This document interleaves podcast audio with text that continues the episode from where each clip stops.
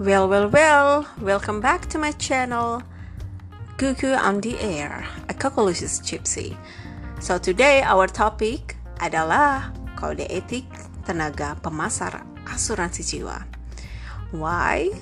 Karena seorang agent yang sukses harus punya integritas yang tinggi.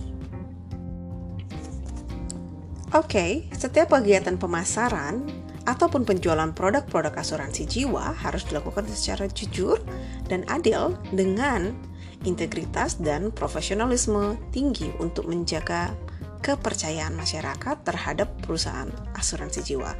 Tenaga pemasar dan industri asuransi jiwa ya pada umumnya.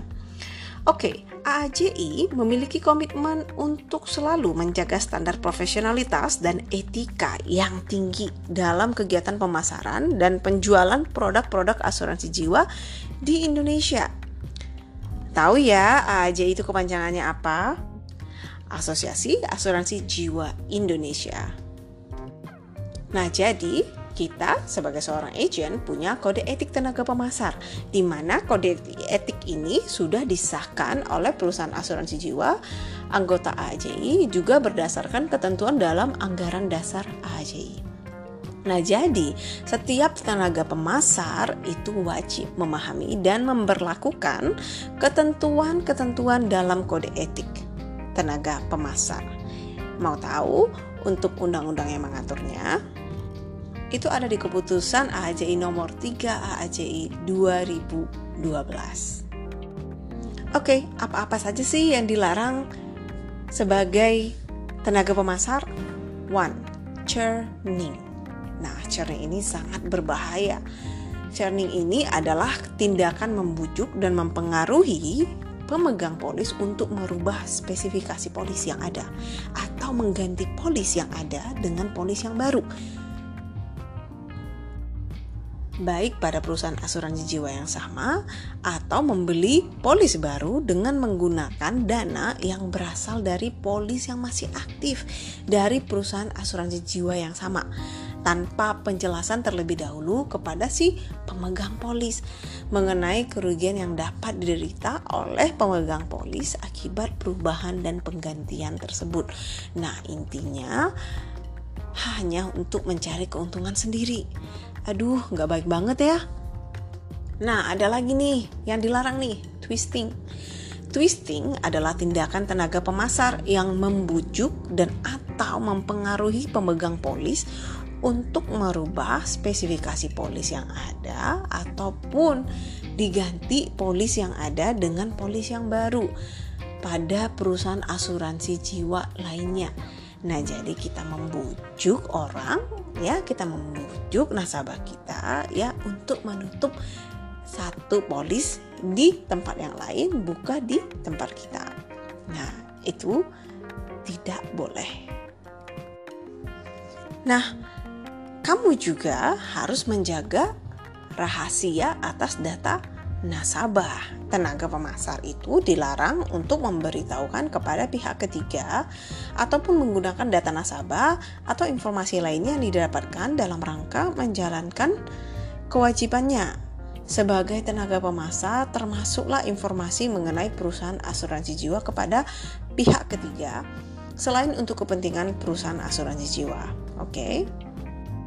Oke, selain untuk nasabah, nah tenaga pemasar juga harus wajib ya mendapatkan persetujuan dari perusahaan asuransi jiwa untuk kalau dia itu memakai uh, menggunakan karya cipta, paten, merek ataupun logo dan juga kepada untuk piranti lunak software dari perusahaan asuransi.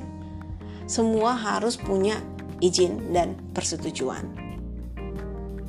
Next, nah ini dia tindak pidana pencucian uang seperti yang saya sudah jelasin ya di episode sebelumnya What is Money Laundry.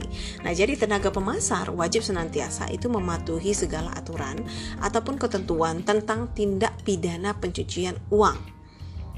Dan juga harus wajib mengikuti training ya, training mengenai anti pencucian uang yang selalu kita selenggarakan. Oke, okay, kita juga tidak bisa, no, tidak bisa melakukan yang namanya pooling. Apa sih ini pooling? Oke, pooling itu tenaga pemasar dilarang untuk mengalihkan penjualan produk yang telah dilakukan kepada tenaga pemasar lainnya. Nah, jadi ini seperti apa nih? Nah, jadi tenaga pemasar yang tercatat di dalam dokumen SPAJ itu merupakan tenaga pemasar yang melakukan prospek, presentasi, dan penjualan kepada calon nasabah hingga nasabahnya closing nih. Artinya closing melakukan penandatanganan SPAJ. Nah, jadi tenaga pemasar wajib menolak namanya dicantumkan dalam dokumen SPAJ apabila kita itu tidak melakukan prospek ataupun penjualan produk asuransi jiwa kepada calon nasabah ataupun nasabahnya. Nah, jadi sebagai tenaga pemasar, kamu tidak boleh mengizinkan nama kamu dipakai oleh agent yang lain ketika mereka berjualan ataupun untuk presentasi. Nah, ini dia yang paling bahaya ya, tidak boleh melakukan yang namanya manipulasi penjualan. Nah, kalau begitu sanksinya apa sih kalau tenaga pemasar itu melakukan pelanggaran kode etik? Nah, sanksinya itu bisa berupa peringatan tertulis, kemudian pelaporan pelanggaran tenaga pemasar kepada AAJI, sehingga bisa dimasukkan ke dalam daftar tenaga pemasar bermasalah atau untuk dilakukan pencabutan.